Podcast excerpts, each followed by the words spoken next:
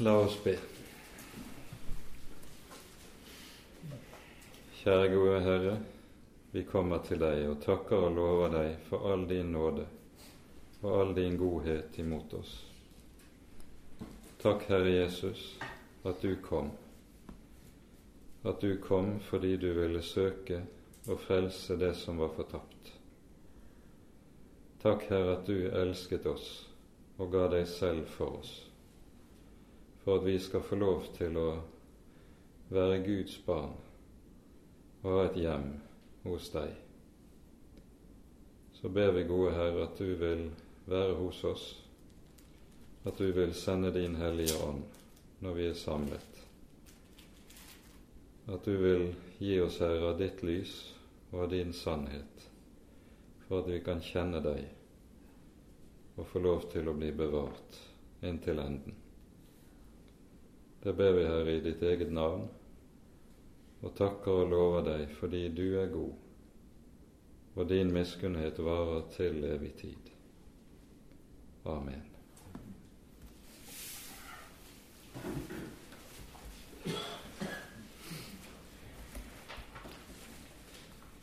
Når vi nå begynner i, på det tredje kapittelet i apostlenes gjerninger, så slutter det seg til eh, det vi hører i avslutningen av kapittel to, der vi hører om den første menighetens liv og vekst, og hvorledes den får oppleve til og med å stå i yndest hos alt folket, som det sto i den gamle oversettelsen.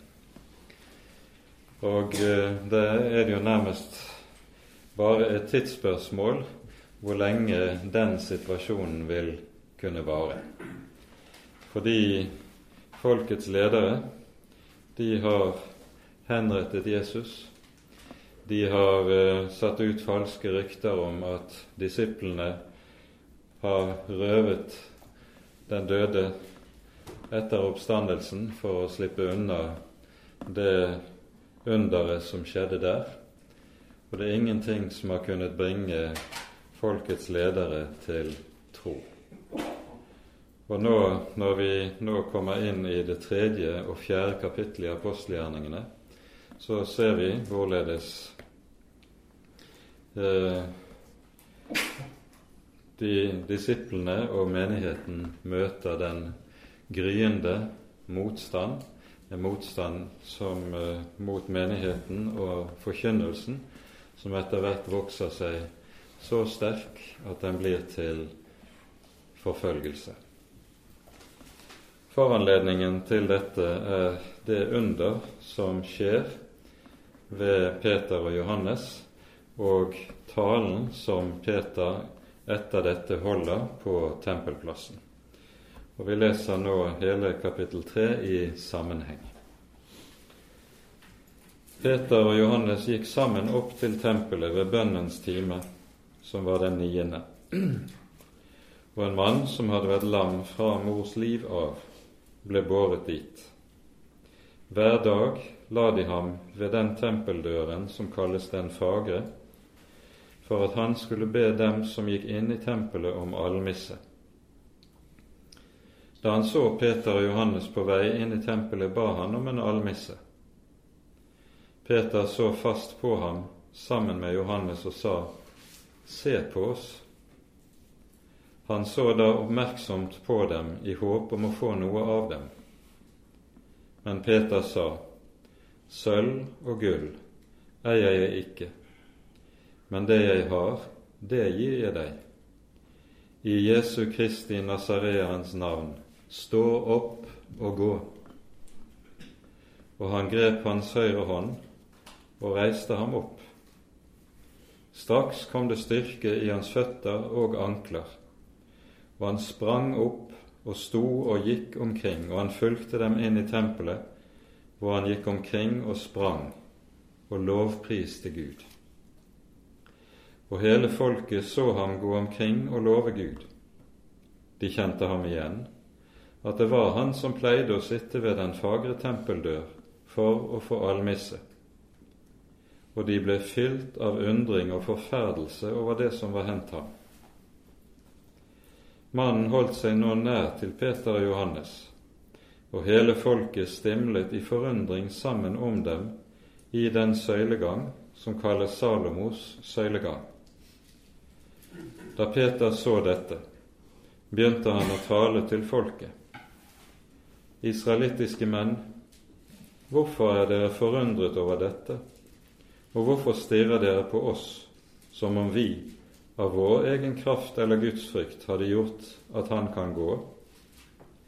Abrahams og Isaks og Jakobs Gud, våre fedres Gud, har herliggjort sin tjener Jesus, ham som dere forrådte og fornektet for Pilatus da han dømte at han skulle løslates.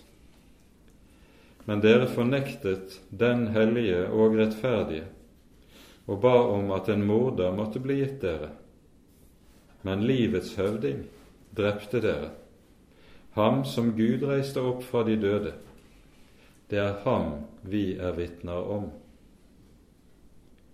Og ved troen på Jesu navn har dette navn gitt styrke til denne mannen som dere ser og kjenner. Troen som var virket ved Jesus, har gitt ham full førlighet tilbake, slik dere alle kan se. Og nå, brødre, jeg vet at dere har handlet i uvitenhet, like som også deres rådsherrer. Men Gud oppfylte på denne måten det som han forut forkynte ved alle profetenes munn, at hans Messias skulle lide. Fatt da et annet sinn, og omvend dere, så deres synder kan bli utslettet, og det kan komme tider med fornyelse og trøst fra Herrens åsyn, og han kan sende den Messias som forut er utkåret for dere, Jesus, ham som himmelen skal huse inntil de tider, da alt det blir gjenopprettet som Gud har talt om ved sine hellige profeters munn fra eldgamle dager av. Moses har jo sagt Herren deres Gud skal reise opp for dere en profet like som meg av deres brødre. Ham skal dere høre på i alt det han sier til dere. Men det skal skje, hver sjel som ikke hører denne profet, han skal utryddes av folket. Alle profetene, fra Samuel av og senere, så mange som har talt, har også forkynt om disse dager. Dere er barn av profetene og av den pakt som Gud gjorde med våre fedre da han sa til Abraham, og i din ett skal alle jordens slekter velsignes. Det var til dere Gud først sendte sin tjener, da han reiste ham opp for å velsigne dere når hver av dere omvender seg fra sine onde gjerninger. Amen.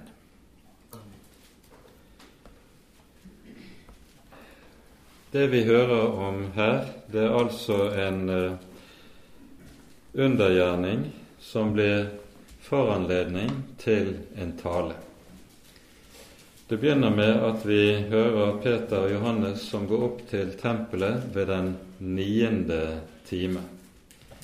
Det er eh, tiden for eh, frembæringen av aftenofferet.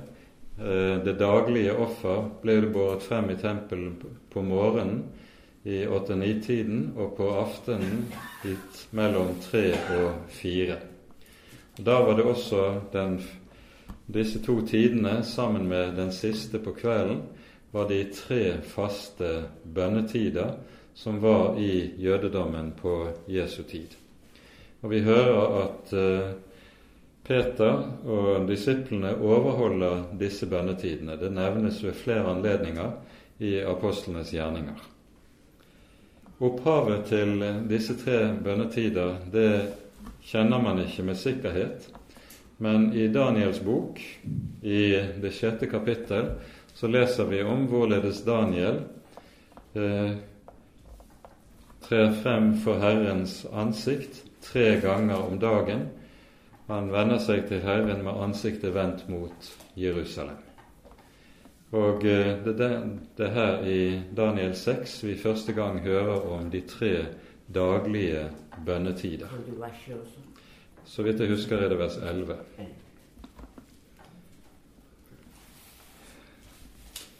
Så er det da en lam som er båret opp i tempelet.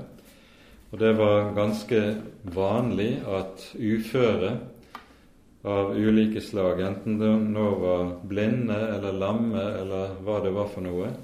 Familien pleide å bære slike til helligdommen, og de lå ved de ulike inngangsportene til tempelet og tigget. Og innen jødedommen på Jesu tid var det slik at almisser til fattige, til nødlidende, ble sett på som en av de aller viktigste gode gjerninger. Vi hører f.eks. om Kornelius i det tiende kapittelet i Apostlenes gjerninger, at han var rik på både bønner og almisser, og engelen som eh, eh, viser seg for Kornelius og eh, sier at han skal sende bud etter Peter, sier at Herren har kommet i hu bl.a. Kornelius' almisser. Så dette var noe som var meget viktig i datidens jødedom. En skulle huske på de fattige og tiggerne. Det er kanskje noe som kunne være verdt å tenke over i dagens samfunn, hvor tiggerfenomenet har dukket opp igjen imellom oss. Denne som vi her hører om, han har vært lam fra mors liv av. Og Det gjør selve helbredelsen meget spesiell. Fordi det innebærer at han aldri har vært i stand til å gå. Helt fra sin fødsel av har han manglet førlighet i bena. Og Det det innebærer rent medisinsk, det er at ikke vil noe av muskulaturen i bena ha kunnet utvikles. Ikke vil han på naturlig vis, sånn som barn gjør det når de kommer opp i ett-, to-, treårsalderen. Utvikle førlighet, balanse, eh, kroppsbeherskelse, alle slike ting. Det er sånt som overhodet ikke har villet kunnet utvikles hos et menneske som har ligget fra fødselen av, og aldri har kunnet ha slik førlighet. I tillegg hører det til dette at når eh, sentrale organer i kroppen ikke brukes fra fødselen av og fremover, så utvikles heller ikke nerves, den delen av nervesystemet som hører til det. Dette innebærer at det underet som skjer med helbredelsen av denne lamme, det er et under som på mange måter kan sies å stå på linje med oppvekkelsen av døde, som vi hører om ved andre anledninger i evangeliene.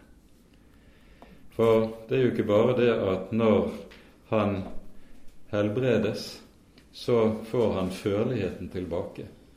Men helbredelsen må innebære at han også får skapt et balanse i kroppen, en kroppsbeherskelse som han aldri har hatt. Det står jo om han i vers 8 at han sprang. Det ordet som brukes, det betyr å hoppe. Han er akkurat som et lite barn som plutselig liksom har fått oppdage hva det vil si å kunne løpe omkring. I vår bibel står å hoppe. Det står å hoppe, ja. Så ordet 'springe', som står i den norske bibel, kan jo bety begge deler. Både å løpe og å hoppe. Så er, han blir liksom et lite barn som har oppdaget hva det vil si, det å ha denne kroppsbeherskelsen som hører til det.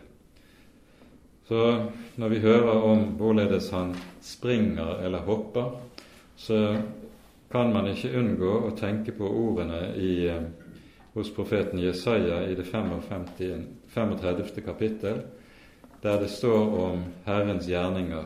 Den lamme springer som en hjort. Da skal de døves ører opplates, da skal de blindes øyne se, og den lamme springer som en hjort.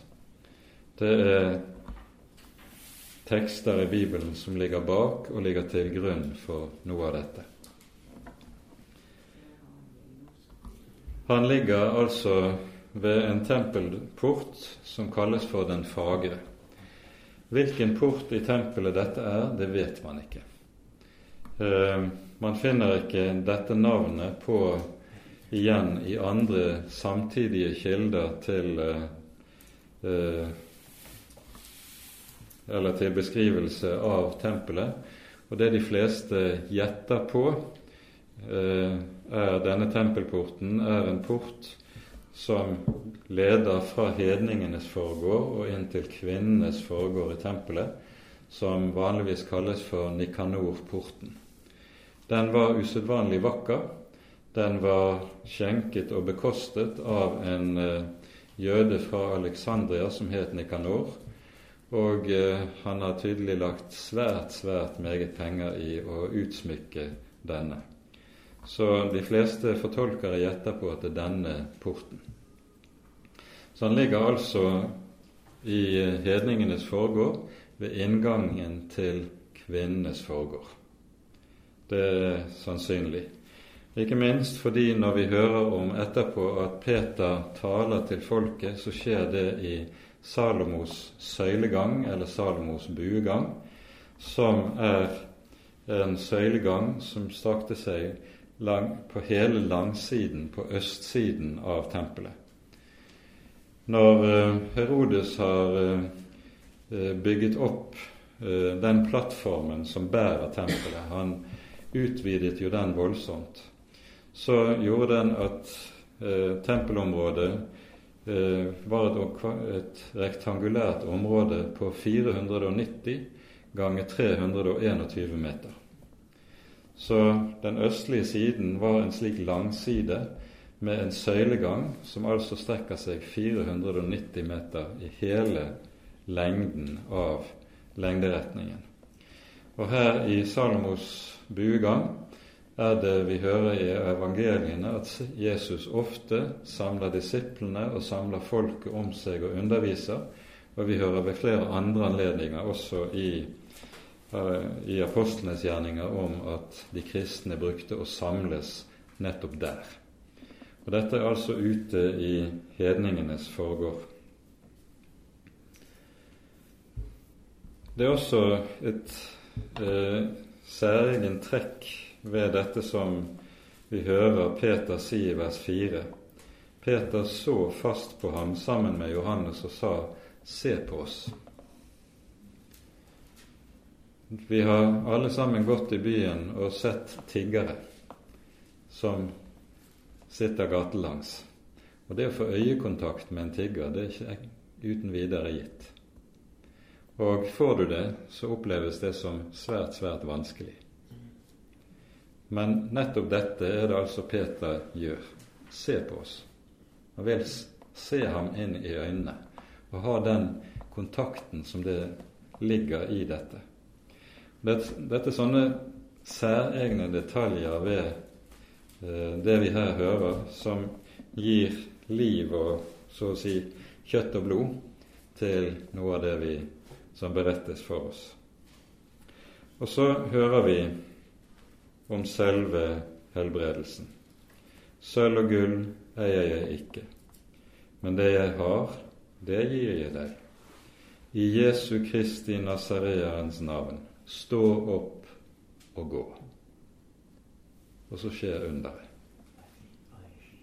Det er underlig, og vi aner noe om storheten i dette underet når vi forstår litt av hva det rent fysisk innebærer. Og så blir dette under anledning, foranledningen til den andre store talen som vi hører i apostlenes gjerninger. Den første er den som vi hører fra Peters munn på pinsedagen. Nå kommer den andre store tale. Og Det som er det, så å si, det sentrale i denne talen, det er nettopp det som Peter sier i vers 6. Det er Jesu Kristi navn. Og vi kommer til å bruke noe tid eh, i bibeltimen i dag på å se litt på hva det egentlig innebærer. Men vi skal, før, det, før vi gjør det, så skal vi gå gjennom talen og se litt nærmere på den. Eh, det første vi legger merke til i 12, det er at Peter stiller et spørsmål. Hvorfor, israelittiske menn, hvorfor er dere forundret over dette? Det er jo et merkelig spørsmål. Denne helbredelsen må jo i høy grad ha vekket oppsikt. Dette er jo ikke hverdagskost. I datiden, akkurat som i dag, ville noe sånt som dette være i høy grad sensasjon. Og så likevel så stiller Peter spørsmålet hvorfor i alle dager stiller dere på oss? Hvorfor er dere forundret over dette, som om dette var noe merkverdig? Det er jo et pussig spørsmål når du tenker over det. Men samtidig så ligger det jo da den sannhet i dette som er viktig å være klar over. At det som er det viktige, er ikke sensasjonen i det, men hva dette under betyr. Underet er tegn. Sensasjon, det som vekker stor oppsikt og oppstandelse. Um, Helbredelsen er et tegn av samme betydning som begrepet tegn har i Johannesevangeliet. Tegnet forteller noe helt sentralt om hvem Jesus er, og hva hans gjerning er. Og det er det det dreier seg om. Men han begynner altså talen med å stille dette spørsmålet samtidig som han også vil rydde unna en misforståelse.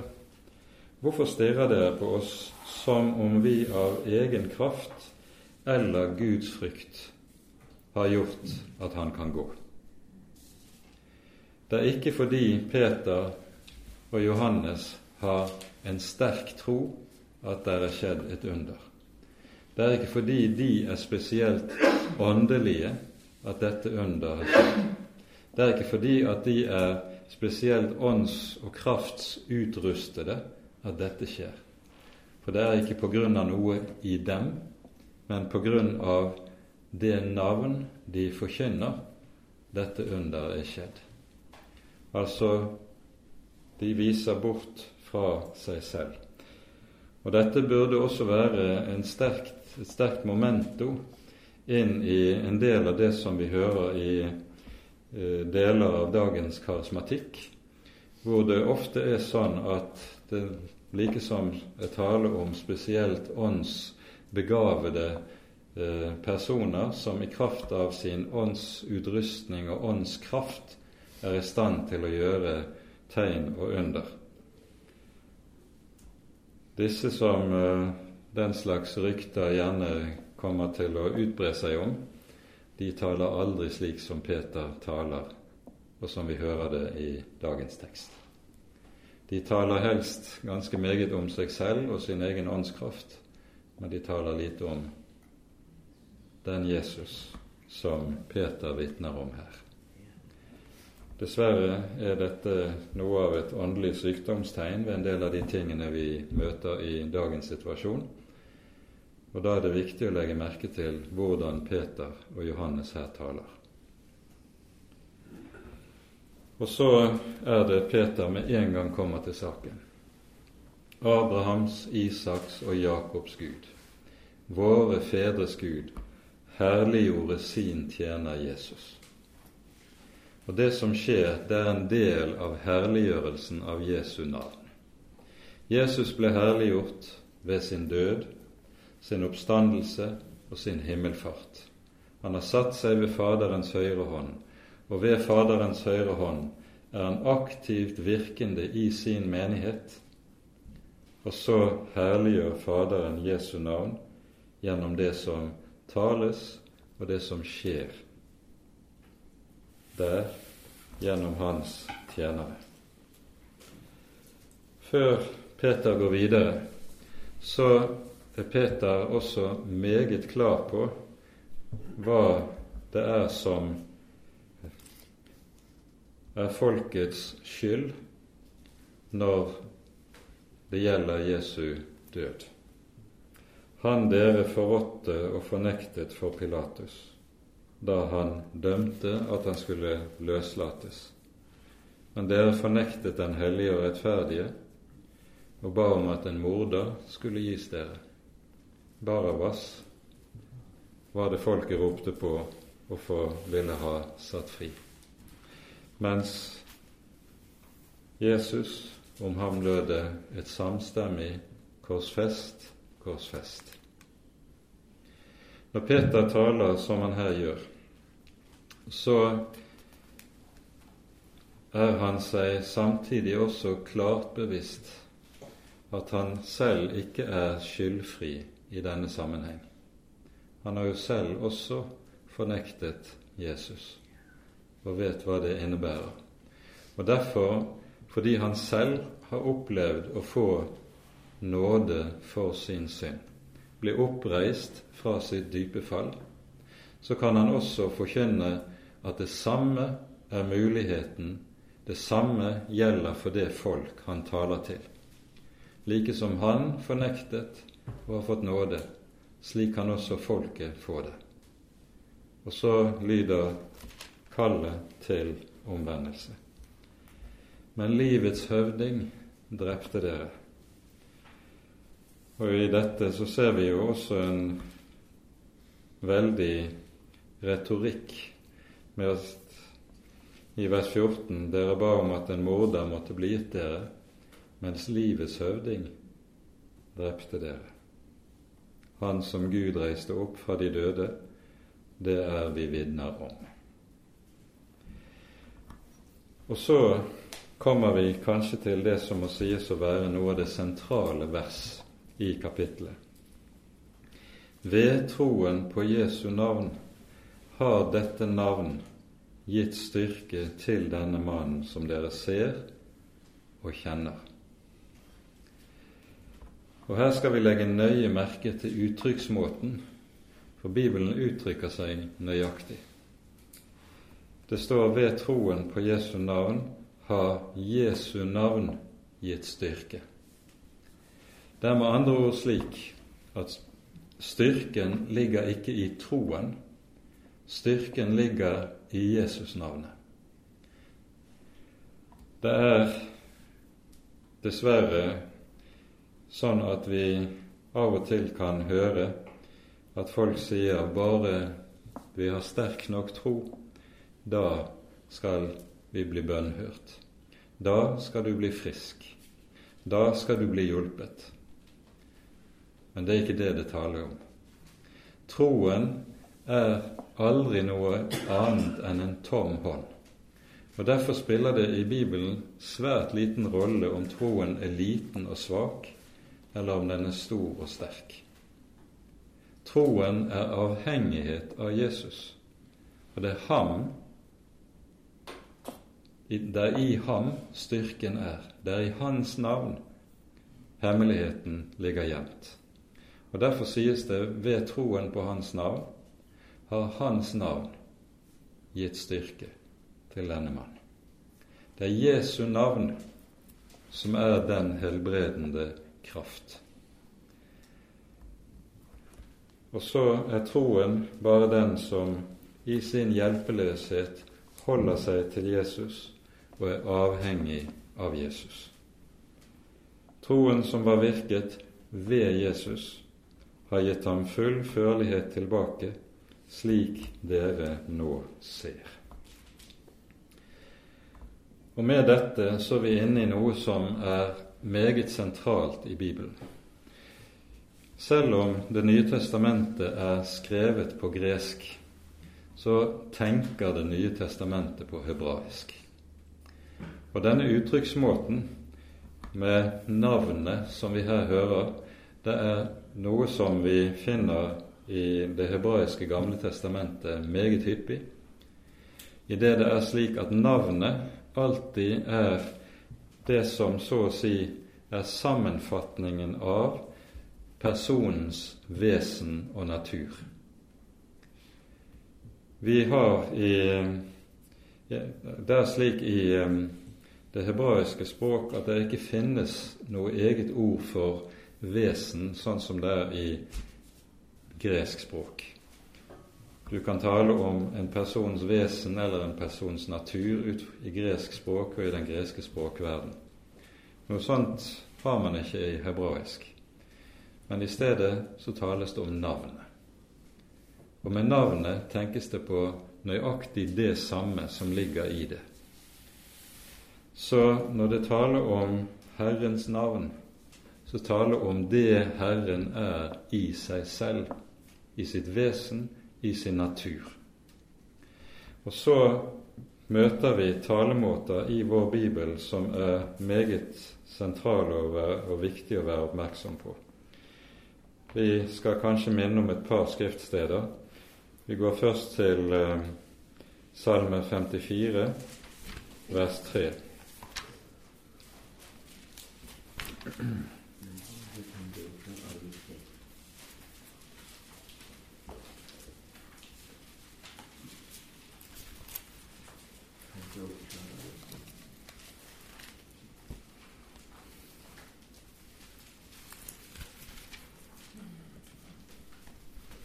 Her står det altså en bønn fra David.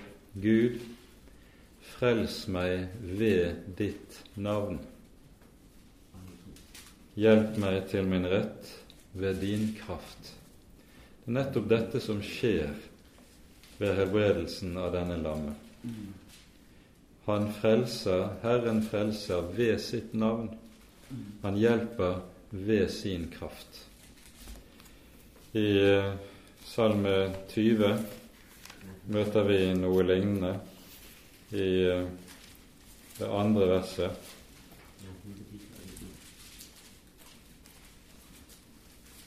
Her står det sånn Måtte Herren bønnhøre deg på nødens dag, må Jakobs Guds navn opphøye deg.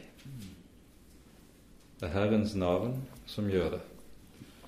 Og I Jesaja-boken kapittel 30 vers 27 så står det sånn Se, Herrens navn kommer fra det fjerne.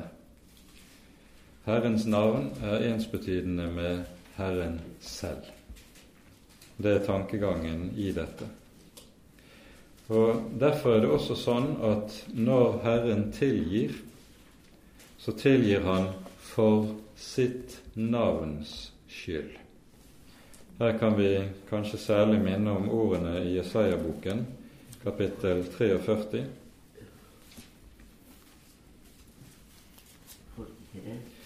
Jesaja 43.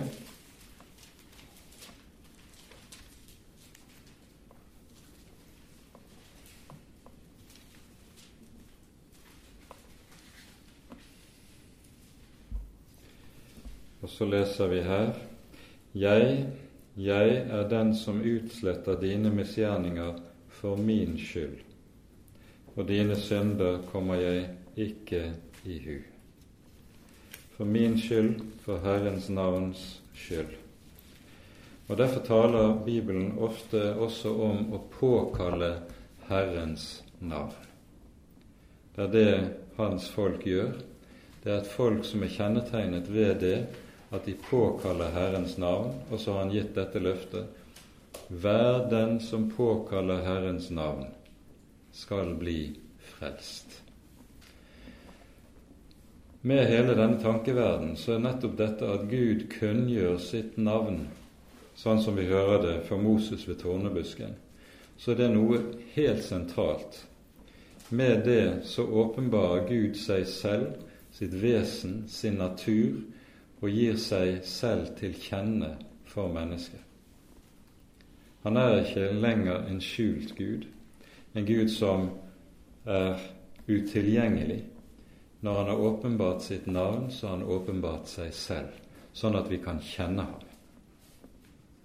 Og i Salme 91 så sier Herren eh, følgende som et løfte Jeg vil utfri ham for han kjenner mitt navn. Det er et løfte om Hele salmen 91 handler jo om hvorledes Herren beskytter sine små. Og så lyder det henimot avslutningen av salme 91 Jeg vil utfri ham, for han kjenner mitt navn. Det er dette som gjør at ordene i um, Matteusevangeliet kapittel 18 vers 20 er så sentrale som de er, hvor to og tre er samlet i mitt navn. Der er jeg midt iblant dem. Det som i Det gamle testamentet sies om Guds navn, det sies i Det nye testamentet som helt ensbetydende med Jesu navn. Det ligger i Jesu navn den samme makt og åpenbaringsvelde som det, det vi finner i Det gamle testamentet sies om Guds hellige navn. Det er saken i dette. Og Derfor forstår vi også hvorfor Peter kan tale på den måten som han gjør det her i apostelgjerningene 3 om Jesu navn og Jesu navnets betydning. Så fortsetter Peter når vi går videre til vers 17. Og nå, brødre, jeg vet at dere handlet i uvitenhet like som deres rådsherrer. Vi husker Jesus ba på korset, Fader, tilgi dem, for de vet ikke hva de gjør. Og det er dette Peter har i minne når han sier det vi her hører. Men, sier han, Gud oppfylte på denne måten det som han forut forkynte ved alle profetenes munn, at hans Messias skulle lide. Bakom det som vi leser i disse par versene som vi her har sett, ligger også eh, beretningen om Josef i Første Mosebok. Der vil dere huske hvorledes brødrene til Josef kommer til ham etter at far, faren, Jakob, er død. De er redd for at nå vil Josef benytte anledningen og hevne seg på brødrene for det de har gjort. Og så ber brødrene Josef om nåde og om tilgivelse, og så svarer Josef med å si:" Dere tenkte ondt mot meg, men Herren tenkte det til det gode, for å frelse meget folk. Og nettopp det er det som har skjedd. Menneskers onde råd, det førte Jesus til korset, men Herren har i sitt råd gjort det slik at dette ble til frelse for meget folk. Gud oppfylte på denne måten det han forut forkynte ved alle profetenes munn, at hans Messias skulle lide. Og så kommer konklusjonen i vers 19. Så fatt da et annet sinn og omvend dere, så deres synder kan bli utslettet. Her bruker Det nye testamentet de to ordene som uh, og alltid oversettes med omvendelse i ett og samme vers. Det er ikke mange steder i Det nye testamentet vi finner begge disse begrepene i samme vers. Det ene ordet, som er oversatt med 'å fatte et annet sinn', det oversettes vanligvis med 'omvend dere'.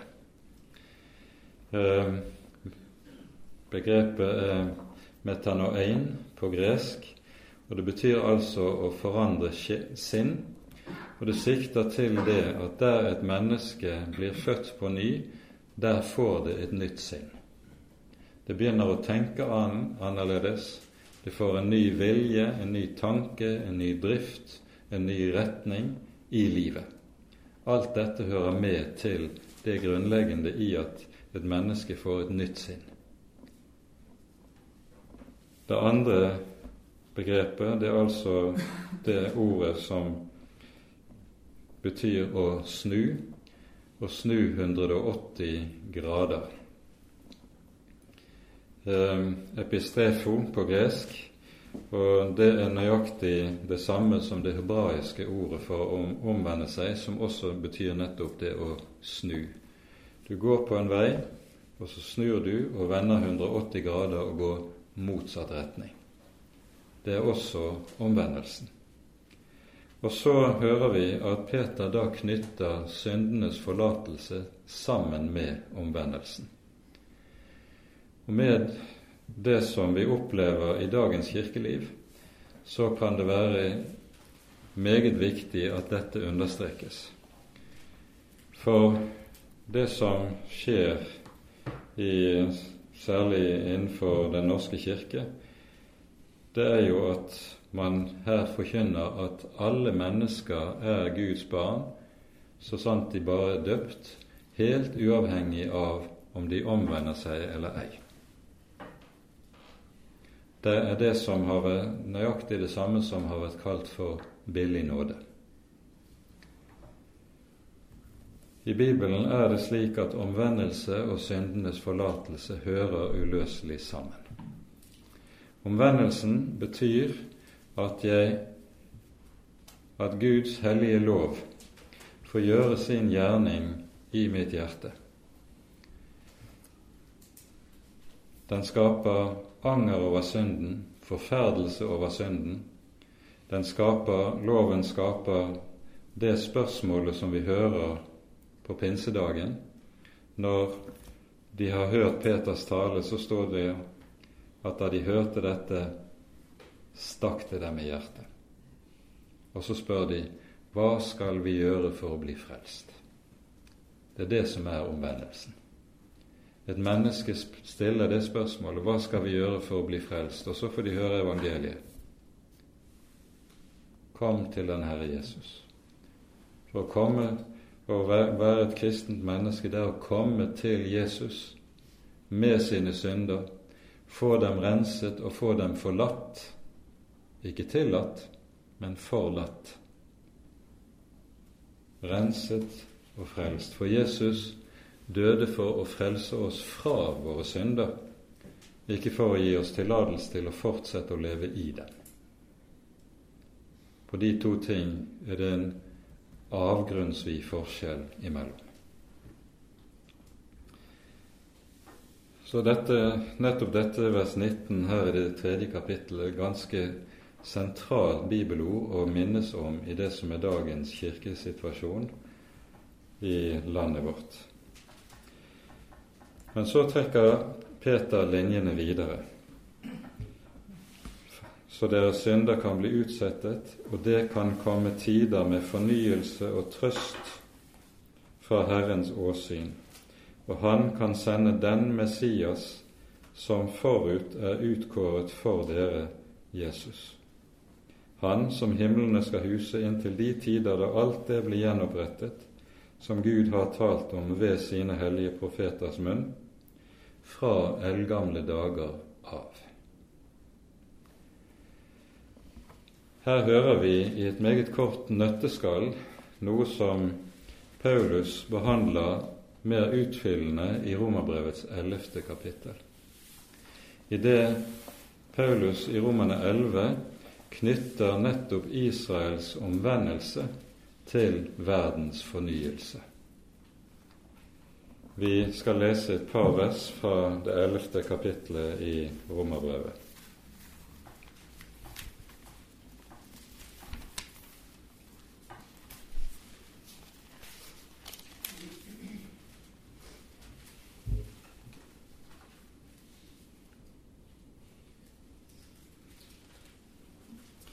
Vi leser fra vers 25. Jeg vil ikke, brødre, at dere skal være uvitende om dette mysterium, for at dere ikke skal anse dere for selv, selv for kloke. Forherdelse er for en del kommet over Israel inntil hedningenes fylde er kommet inn. Og så skal hele Israel bli frelst, som det skrevet står. Fra Sion skal befrieren komme, han skal rydde bort ugudelighet fra Jakob. Og dette skal være min pakt med dem når jeg tar bort deres synder. Når det gjelder evangeliet, er de blitt fiender for deres skyld, men når de, det gjelder utvelgelsen, er de elsket for fedrenes skyld. For Gud angrer ikke sine nådegaver og sitt kall. Dere var jo en gang ulydige mot Gud, men nå har dere fått miskunn fordi de andre var ulydige. På samme måte har nå, har nå de vært ulydige, men ved den miskunn dere har fått, skal også de få miskunn. For Gud har innesluttet dem alle under ulydighet, for at han kunne vise miskunn mot dem alle. Tankegangen er her at når hedningenes fylde er kommet inn, så skal også Israels folk en dag omvendes, og det skal bli som liv av døde for verden. Og Det kaller da Peter her i apostelgjerningene 3 for husvalelsens tider i den gamle bibeloversettelsen. Eh, greskens ord betyr eh, bokstavelig noe som lindrer, noe som forfrisker, noe som gjør at alt blir nytt. Og det er dette som Peter hinter imot, det er at verdens fornyelse den er knyttet sammen med Israels omvendelse ved historiens avslutning.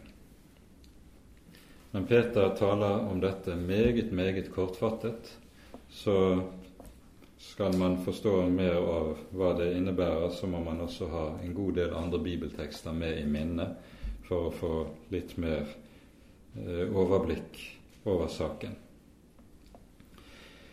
Så fortsetter Peter med følgende. Moses har jo sagt Herren deres Gud skal reise opp for dere en profet like som meg av deres brødre. Ham skal dere høre på i alt han sier dere. Men det skal skje, hver sjel som ikke hører denne profet, han skal utryddes av folket. Her viser Peter, og det er flere andre tekster i Det nye testamentet, som bruker denne teksten i 5. Mosebok kapittel 18, der Moses nettopp sier en profet like som meg skal Herren oppreise dere, på ham skal dere høre. Og den, Denne profetien anvendes i en rekke sammenhenger i Det nye testamentet nettopp som en profeti om Jesus. Han er profeten like som Moses.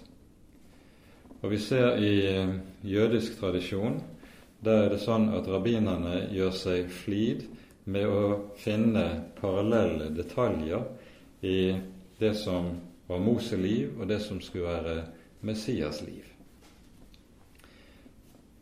Vi rekker ikke å gå inn på dette, men det som er sentralt i denne sammenheng, er det som sies meget uttrykkelig i 5. Mosebok 18.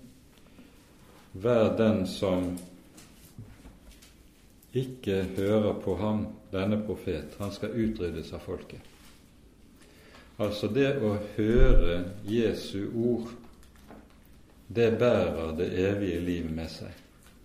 Det å forkaste Jesu ord, det er også å forkaste det evige liv og det å bli forstøtt. I møte med Jesu ord er det altså et menneske møter sin evige skjebne. Her avgjøres det store enten-eller, evig død eller evig fortapelse. Det er et enten-eller. Og Derfor er nettopp hvorledes mennesker stiller seg til Jesu ord, til budskapet om Jesu person, det er det alt avgjørende. Så slutter Peter av talen, alle profetene fra Samuel av og senere, så mange som har talt, har også forkynt om disse dager. I jødisk tradisjon var det sånn at Samuel var regnet som den første av profetene etter Moses. Ehm, og eh, det er jo også sånn i den jødiske bibel at første Samuels bok sammen med kongebøkene regnes som profetskrifter, ikke som historiske skrifter, sånn som vi gjør i kristen tradisjon. Og Grunnen er, er jo den at i disse skriftene, både Samuelsbøkene og kongebøkene, så leser vi historie som er profetisk tolket. Idet profetene kommer og sier dette og dette skjedde fordi folket gjorde sånn og sånn. Herren lot sånn og sånn skje av den og den grunn. Det er profetisk tolket historie. og Derfor regnes disse bøkene altså som eh, de kalles for de tidlige profeter i jødisk tradisjon, mens de skriftene som vi kaller profetbøkene i vår Bibelen, de kalles i jødisk tradisjon for de sene profeter. Men det ulik måte å inndele Bibelens skrifter på. Dere, sier Peter til slutt, er barn av profetene, og av den pakt som Gud gjorde med våre fedre da han sa til Abraham, og i din ett skal alle jordens slekter velsignes. Peter minner her om nådens pakt med Abraham, ikke Sinai-pakten. Og det er meget viktig i denne sammenheng. For den nådepakt som den nye pakt er, den er jo nettopp gitt etter mønster av nådepakten med Abraham. Og Det er derfor også at Paulus, når han taler om hva nåden er, og hva troen er, så griper han tilbake til Abraham. Han griper ikke tilbake til Sinai.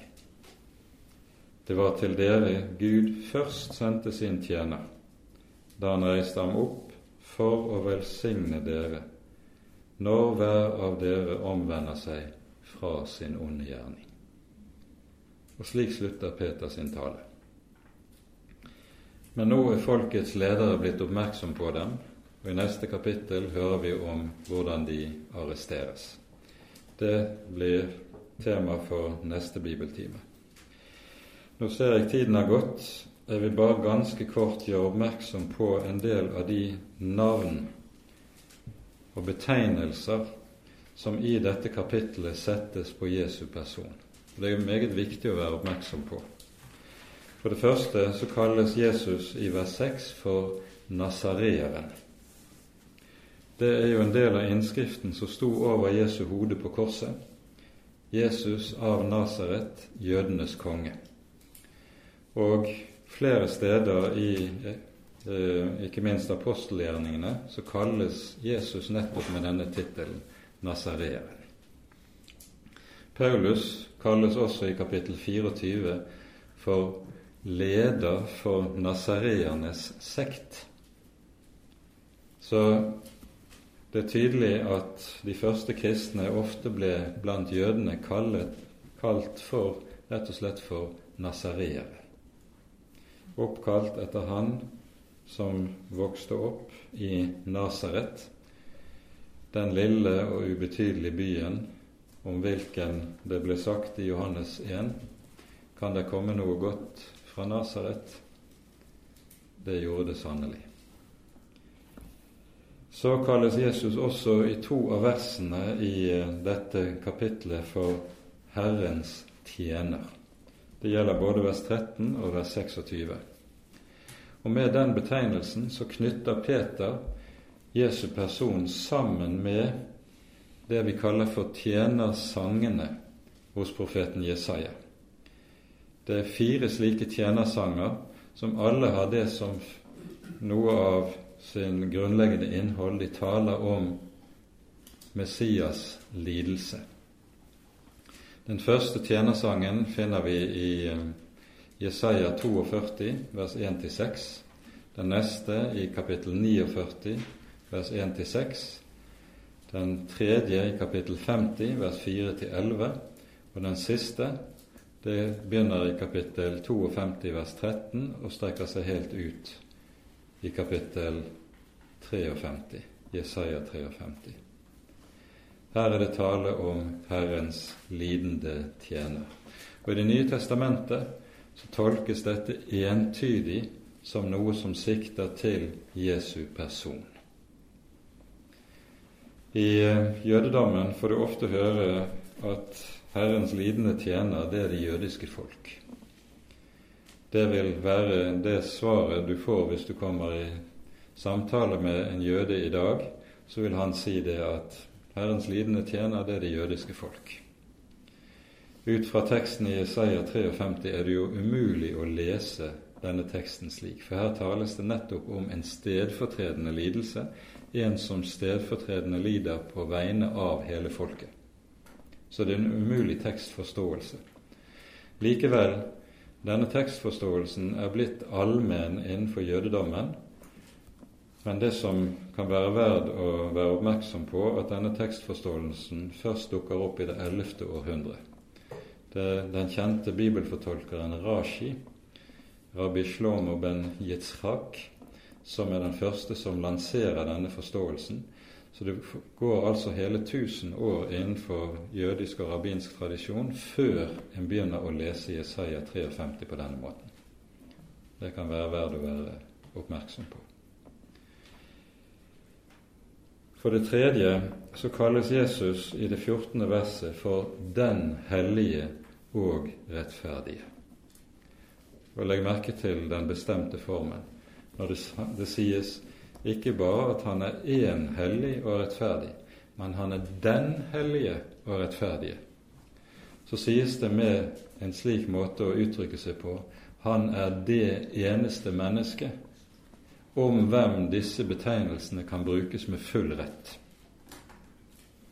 Det gis ingen intet annet menneske om hvem det kan sies 'han er den hellige', 'han er den rettferdige'.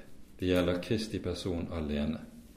Og Dette er betegnelser som også knytter an mot bestemte Messias-profetier i Det gamle testamentet. En av de viktigste er Jeremia 23, vers 5 og 6 så brukes altså benevnelsen Messias i vers 18 og profeten i vers 22. Vi rekker ikke å gå videre inn på dette. Men alt sammen er betegnelser som understreker noe av det grunnleggende i hva det er som ligger i navnet Jesus. Det er et navn som bærer i seg en veldig fylde, som man altså ikke så fort blir ferdig med. Ja, vi blir egentlig aldri ferdig med det. Og så må vi be Gud om opplyste øyne til å se og forstå hva som ligger i dette navnet. For det er sannelig en fylde som er til trøst, til hjelp og til liv for Guds folk som ligger i dette navn. Og med det setter vi punktum for dagens bibeltime. Ære være Faderen og Sønnen og Den hellige ånd, som var og er og være skal, en sann Gud, høylovet i evighet. Amen.